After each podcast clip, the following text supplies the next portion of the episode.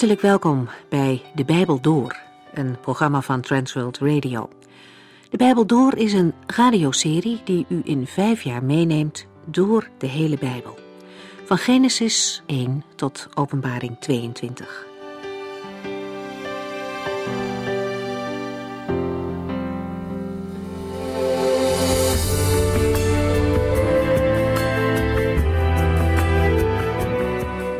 Als u misschien een aflevering wilt terugluisteren, kijkt u dan op onze website transworldradio.nl of belt u met 0342 478432 en aan het eind van het programma dan noem ik u nog een keertje deze gegevens. De vorige keer begonnen we met de regering van koning Agas. Hij was pas twintig toen hij op de troon kwam. En onder zijn leiding brak er opnieuw een moeilijke tijd aan voor het volk van God. Agas vereerde afgoden. Hij zocht daar hulp als vijanden hem in het nauw dreven, maar het hielp dus niet. Opvallend is ook dat vanuit het tienstammenrijk er oorlog tegen deze koning gevoerd wordt. Hun overwinning is overweldigend. Maar vanwege het grote bloedbad dat zij aanrichten, stuurt God een profeet. En deze man wijst hen erop dat ze te ver gegaan zijn met hun vreedheden. En omdat zij duizenden vrouwen en kinderen meegenomen hebben in slavernij. God ziet dat allemaal en vindt dat niet goed. Enkele mannen uit Israël luisteren met een open hart naar de profeet. Zij geven gehoor aan het woord van God en ze staan op. Deze mannen willen niet dat hun schuld voor God groter wordt. Zij helpen de gevangenen. Ze verzorgen hen, geven hen te eten en brengen hen terug naar Jericho. Zij zijn barmhartig in een tijd dat onbarmhartigheid lijkt te heersen. Zij luisteren echt naar de wil van God en handelen en leven daarnaar, ook al is dat in hun eigen land Israël en in Juda op dat moment geen gewoonte.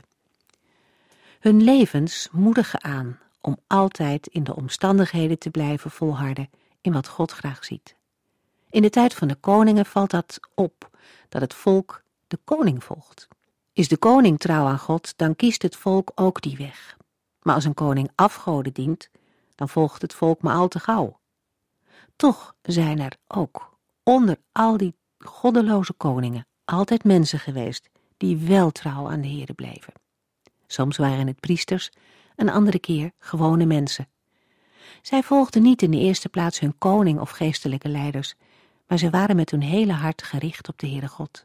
En dat maakte hen standvastig. En daarin zijn ze ook ons tot voorbeeld. We lezen verder, 2 Kronieken 30.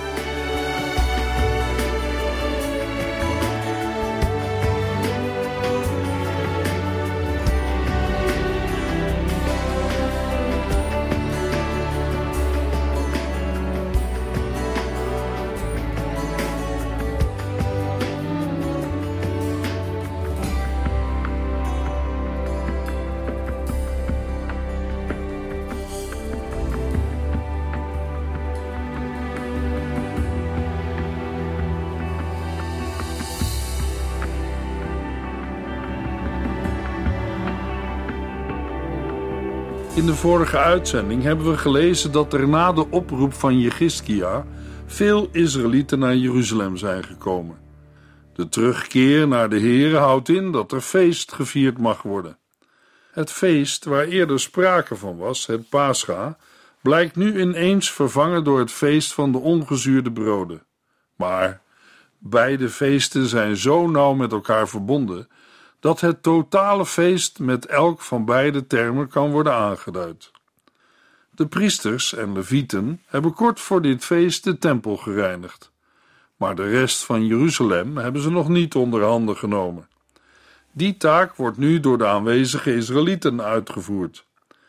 Jeruzalem moet eerst worden gereinigd voordat kan worden overgegaan tot de viering van het Pascha. Na de reiniging op de veertiende dag van de tweede maand wordt het Pascha gevierd. 2 Kronieken 30, vers 15 tot en met 20.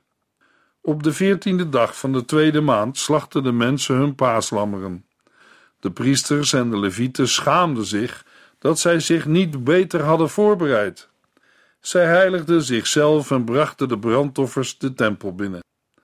Ze stonden op de plaatsen die hun waren aangewezen in de wet van Mozes, de man van God. En de priesters sprenkelden met het bloed dat zij van de levieten kregen aangereikt. Omdat vele van hen die uit Ephraim, Manasse, Issachar en Zebulon waren gekomen, onrein waren, doordat zij het reinigingsritueel niet hadden ondergaan, en tegen de regels in toch aten van de offerdieren, werden hun paaslammeren voor hen geslacht door de levieten, om hen op die manier te heiligen. Daarna bad koning Jegiskia voor hen en zei: Mogen de Heere, die goed en genadig is, iedereen vergeven die oprecht besluit hem, de God van onze voorouders, te gaan volgen, ook al is hij mogelijk niet op de juiste manier geheiligd voor deze plechtigheid. En de Heere luisterde naar Jegiskia's gebed en nam hen aan. De verhoring van het gebed van Jegiskia voorkomt een voortijdig en dramatisch einde van de feestelijkheden. Nu het gebed is verhoord door genezing van het volk, kan men het feest van de ongezuurde broden vieren. De blijdschap wordt wel voorgeschreven bij het wekenfeest en het loofhuttefeest, maar niet bij het feest van de ongezuurde broden. Toch is de blijdschap niet vreemd. De priesters en levieten bieden begeleiding bij het uiten van de blijdschap. 2 Kronieken 30, vers 21 tot en met 23. Zeven dagen lang vierde het volk Israël in Jeruzalem het feest van de ongezuurde broden. Tegelijkertijd prezen de levieten en de priesters de Heere dag aan dag met zang en muziek.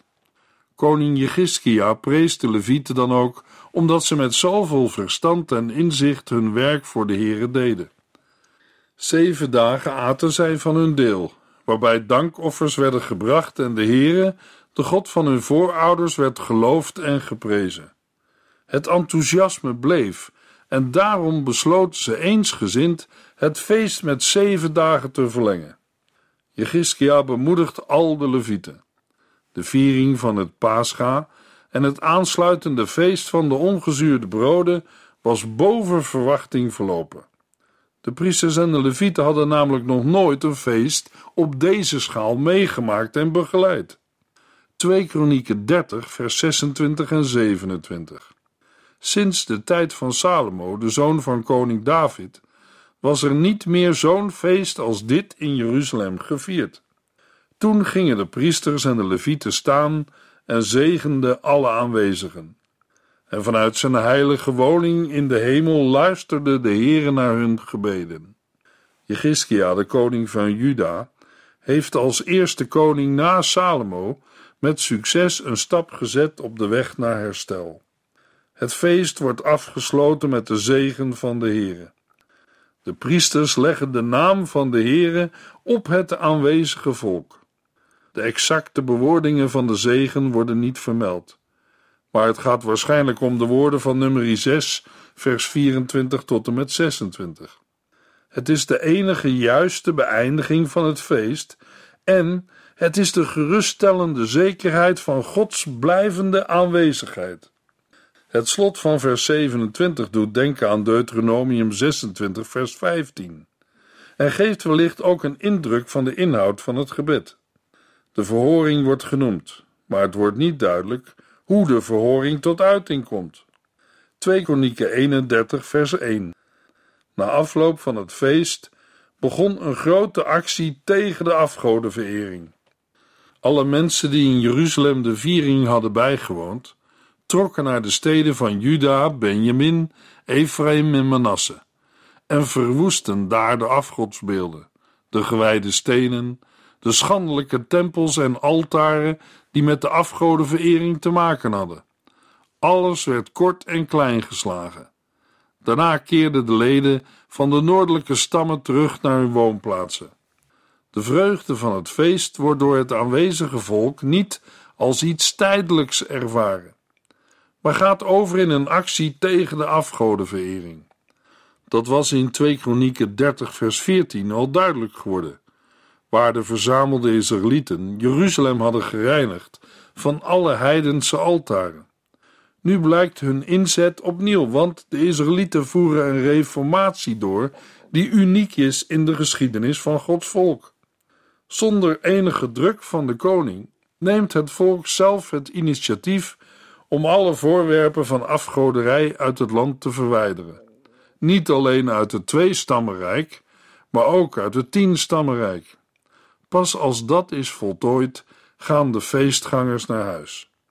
Na de reiniging van de tempel en de overweldigende viering van het Pascha is Jegiskia's inzet voor de Here nog niet uitgeblust. Er is gewerkt aan het herstel van de eredienst in Israël. Maar die eredienst moet worden gewaarborgd. Een eerste stap daartoe is de herindeling van de priesters en levieten. Zoals gebruikelijk in kronieken zullen de priesters de verantwoording hebben gekregen voor de brand- en vredeoffers. De levieten hadden de taak de poorten te bewaken en de lofzang te verzorgen. De indeling van de taken van het tempelpersoneel is een eerste stap in de continuïteit van de dienst aan de Heer. Een logische tweede stap is de bijdrage van het volk. Jegiskia geeft het goede voorbeeld door te voorzien in de dieren voor de brandoffers, zoals die zijn voorgeschreven in de wet. Daarna roept Jegiskia het volk op hun bijdrage te leveren. De oproep is primair gericht aan de inwoners van Jeruzalem. De inwoners van Jeruzalem moeten voorzien in het onderhoud van de priesters en levieten. Zij worden vrijgesteld zodat ze zich volledig kunnen wijden aan de taken die hun in de wet van God zijn opgedragen. De mensen reageren spontaan en geven royaal. De inwoners van Jeruzalem brengen de eerstelingen van hun oogst en de voorgeschreven tienden. De eerstelingen waren bestemd voor de priesters, de tienden voor de levieten. Ook de overige inwoners van Juda brengen hun tienden. Volgens Deuteronomium 12 en 14 waren de Israëlieten die van ver kwamen niet ontslagen van hun plicht tiende te offeren. Wel was er de mogelijkheid om die tiende eerst te gelden te maken, zodat de reis naar Jeruzalem makkelijker te ondernemen was.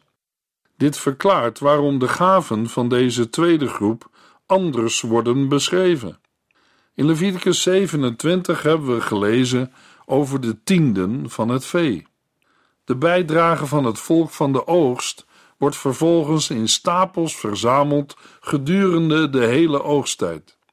In de versen 5 tot en met 19 vinden we de regeling voor de inzameling en de verdeling van de bijbehorende taken. Jegiskia komt met zijn medewerkers naar de resultaten van zijn oproep kijken. De stapels zijn overweldigend en maken dat de koning en zijn medewerkers de Heere prijzen. Ze weten dat de Heere verantwoordelijk is voor de reactie van het volk, maar zij prijzen ook het volk voor de overvloedige gaven. In kronieken is de tempel en daarmee de tempeldienst van essentieel belang. De tempel is de plaats waar de relatie met God beleefd en gevierd kan worden. Zonder tempeldienst is die relatie verstoord. Het handelen van Jegiskia is te prijzen, omdat hij het mogelijk maakt dat de relatie tussen de Heere en zijn volk gehandhaafd blijft. 2 Kronieken 31, vers 20 en 21. Op die manier regelde koning Jegiskia deze zaken in heel Juda en in de ogen van de Heere zijn God was hij een goed en rechtvaardig man.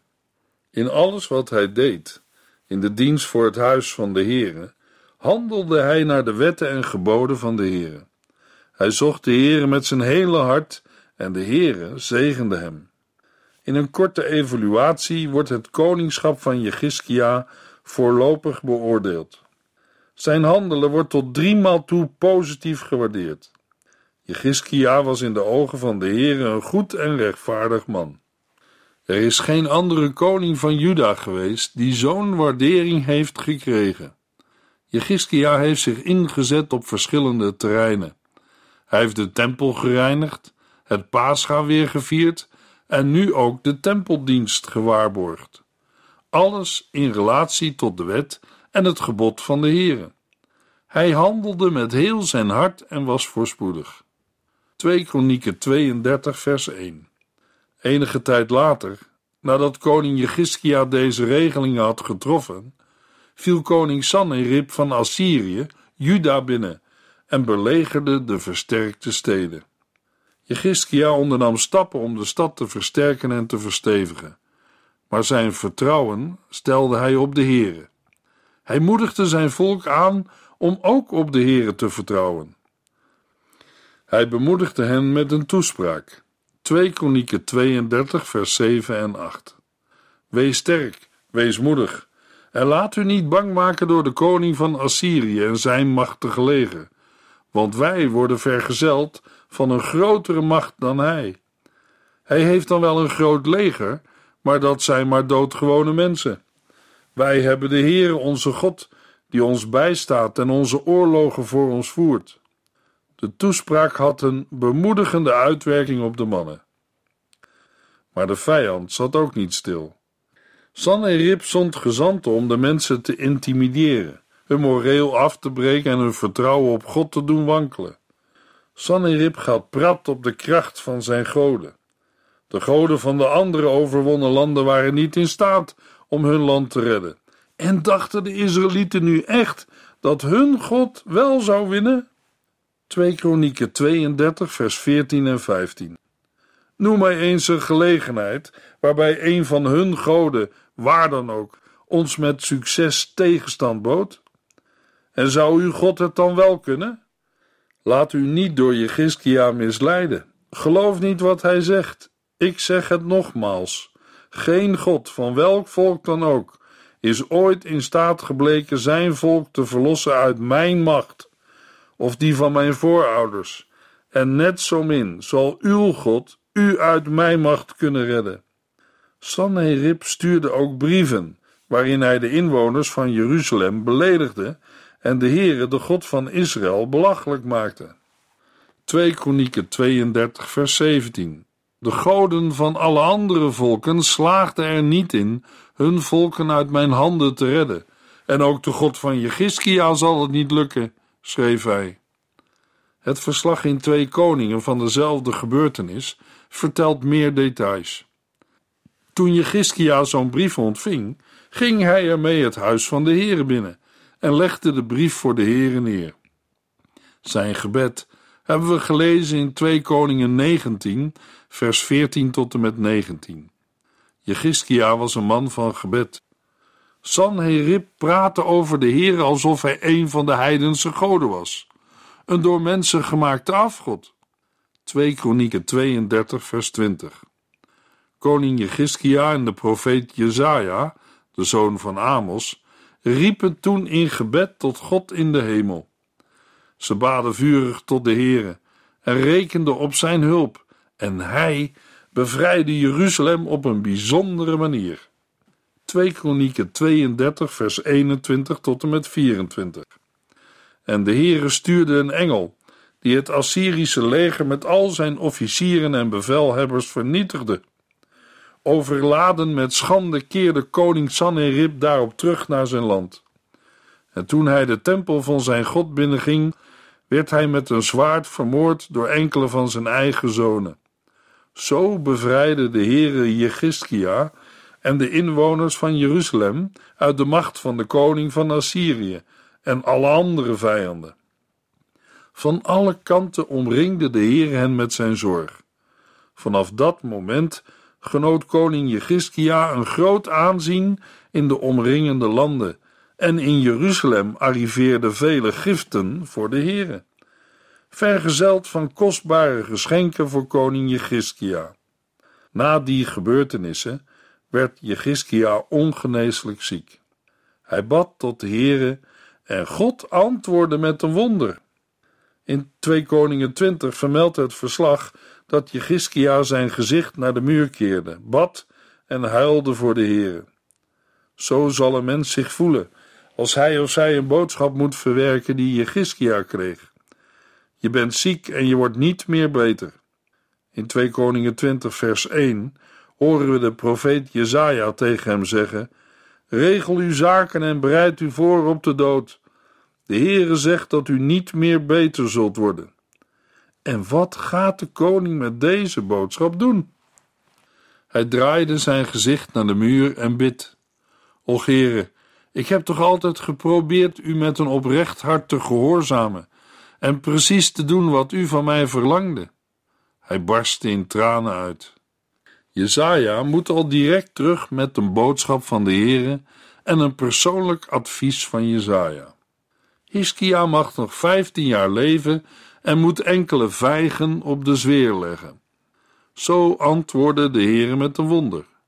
Maar dan gaat het toch niet goed in het leven van koning Jegiskia. 2 Kronieken 32 vers 25 tot en met 27 Jegiskia reageerde echter niet dankbaar op de vriendelijkheid van anderen, want hij was trots geworden. Daarom werd God toornig op hem en op Juda en Jeruzalem. Maar uiteindelijk vernederde Jegiskia en de inwoners van Jeruzalem zich, zodat ze tijdens het leven van Jegiskia niet werden getroffen door de toorn van de Heere. Jegiskia werd rijk en stond overal in hoog aanzien. Hij moest speciale schatkamers laten bouwen voor zijn zilver, goud, waardevolle stenen, specerijen, schilden en kostbare voorwerpen. Toen er afgezanten uit Babel kwamen, liet hij hun al de rijkdommen van zijn koninkrijk zien. In 2 Kronieken 32 vers 31 lezen we hoe de Heere daarover dacht. Toen echter afgevaardigden uit Babel arriveerden om met eigen ogen het wonder van zijn welvaart te zien, liet God hem zijn eigen gang gaan om hem op de proef te stellen en erachter te komen hoe hij werkelijk was. Wat moeten wij ons hierbij voorstellen? Het is waarschijnlijk dat de vertegenwoordigers van het Babylonische Hof samen met Jegiskia een alliantie tegen de machtige koning van Assyrië wilden vormen. Het vertrouwen van Jegiskia was daarmee niet langer op de Here, maar op deze alliantie gevestigd.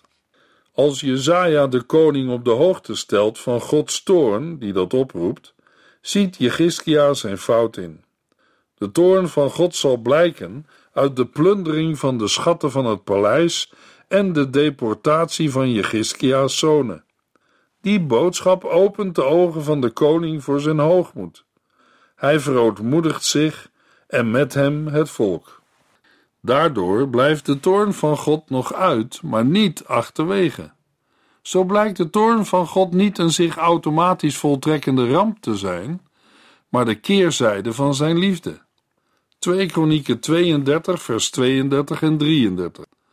De rest van de levensgeschiedenis van koning Jegiskia en al zijn goede daden zijn beschreven in het boek van de profeet Jezaja, de zoon van Amos, en in het boek van de koningen van Juda en Israël. Na zijn dood werd Jegiskia begraven tussen de andere koningen op de koninklijke begraafplaats, die op een helling lag. Heel Juda en Jeruzalem bewezen hem bij zijn dood de laatste eer. Zijn zoon Manasse volgde hem op. Aan het einde van deze uitzending nog een korte terugblik op het leven van Jegiskia, die in verkorte zin ook Hiskia wordt genoemd. Na de vermelding van de schaduwzijde van het koningschap van Jegiskia, zijn vertrouwen op een alliantie met Babel, worden zijn rijkdommen en prestaties opgezomd. In tegenstelling tot de voorgaande versen is de tekst erg precies en specifiek. De algemene inleiding in vers 27, dat Jegiskia zeer veel rijkdom en eer bezit, wordt in de daarop volgende versen bewezen. Het goud, de edelstenen en de kruiden wijzen op een succesvolle handel, misschien zelfs op het innen van schatting. De schilden die worden genoemd lijken enigszins misplaatst te midden van de schatten van de koning. Toch was het gebruikelijk om schilden in de schatkamers te bewaren. De gewassen en het vee wijzen op een rijke oogst. Dit succes is verbazingwekkend, aangezien Jegiskia onder het juk van de Assyriërs leefde. De rijkdommen zijn dus een duidelijk bewijs van Gods zegen. Jegiskia is niet alleen rijk, hij is ook voorspoedig in het bouwen van gebouwen en andere kunstwerken. Een van die bouwwerken wordt hier vermeld. Jegiskia laat het water van de bron van Gigon, de stad van David, instromen. Hiervoor heeft hij een tunnel laten uithakken die het water van de bron naar de vijver Siloam leidt. Deze watergang van 533 meter lengte is vanaf twee kanten gegraven. De arbeiders ontmoeten elkaar diep onder de grond.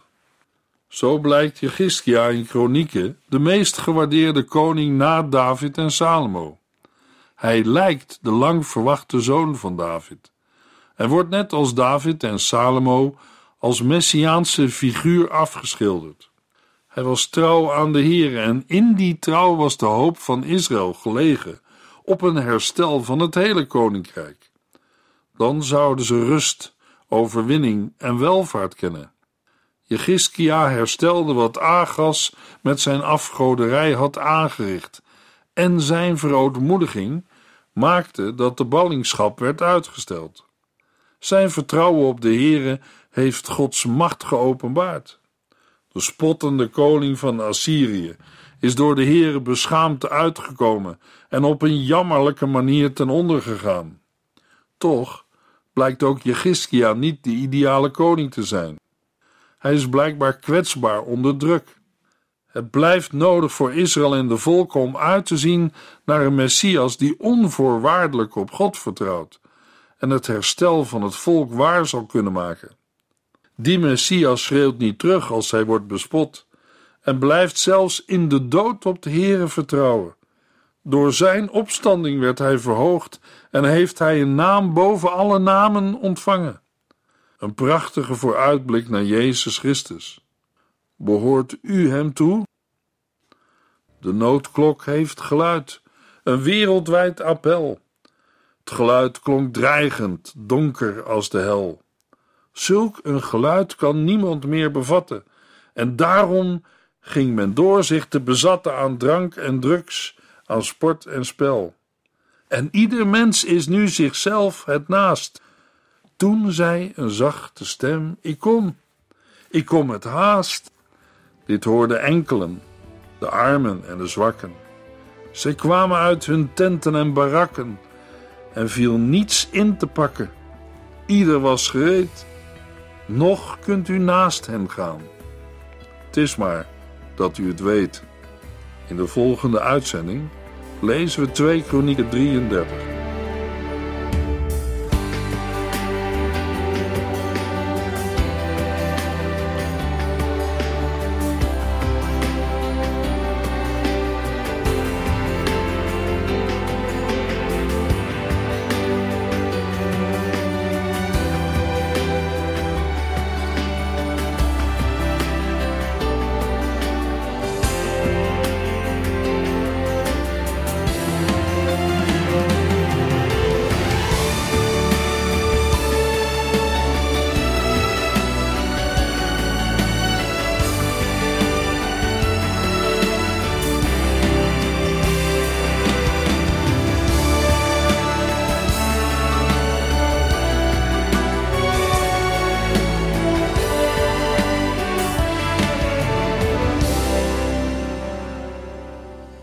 Geluisterd naar De Bijbel Door.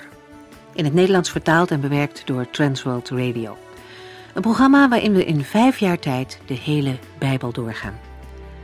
Als u wilt reageren op deze uitzending of u heeft vragen, dan kunt u contact met ons opnemen. Tijdens kantooruren kunt u bellen op 0342 47 8432. 0342 47 8432. 32. Ook kunt u een e-mail sturen naar de Bijbel door transworldradio.nl en natuurlijk kunt u ook via de post ons bereiken. TWR, postbus 371, postcode 3770, AJ in Barneveld. Dit programma werd gepresenteerd door Cor Weda en Ike André. Techniek was in handen van Odin van Woerdekom. En wij allemaal bedanken u voor het luisteren. Graag tot de volgende keer.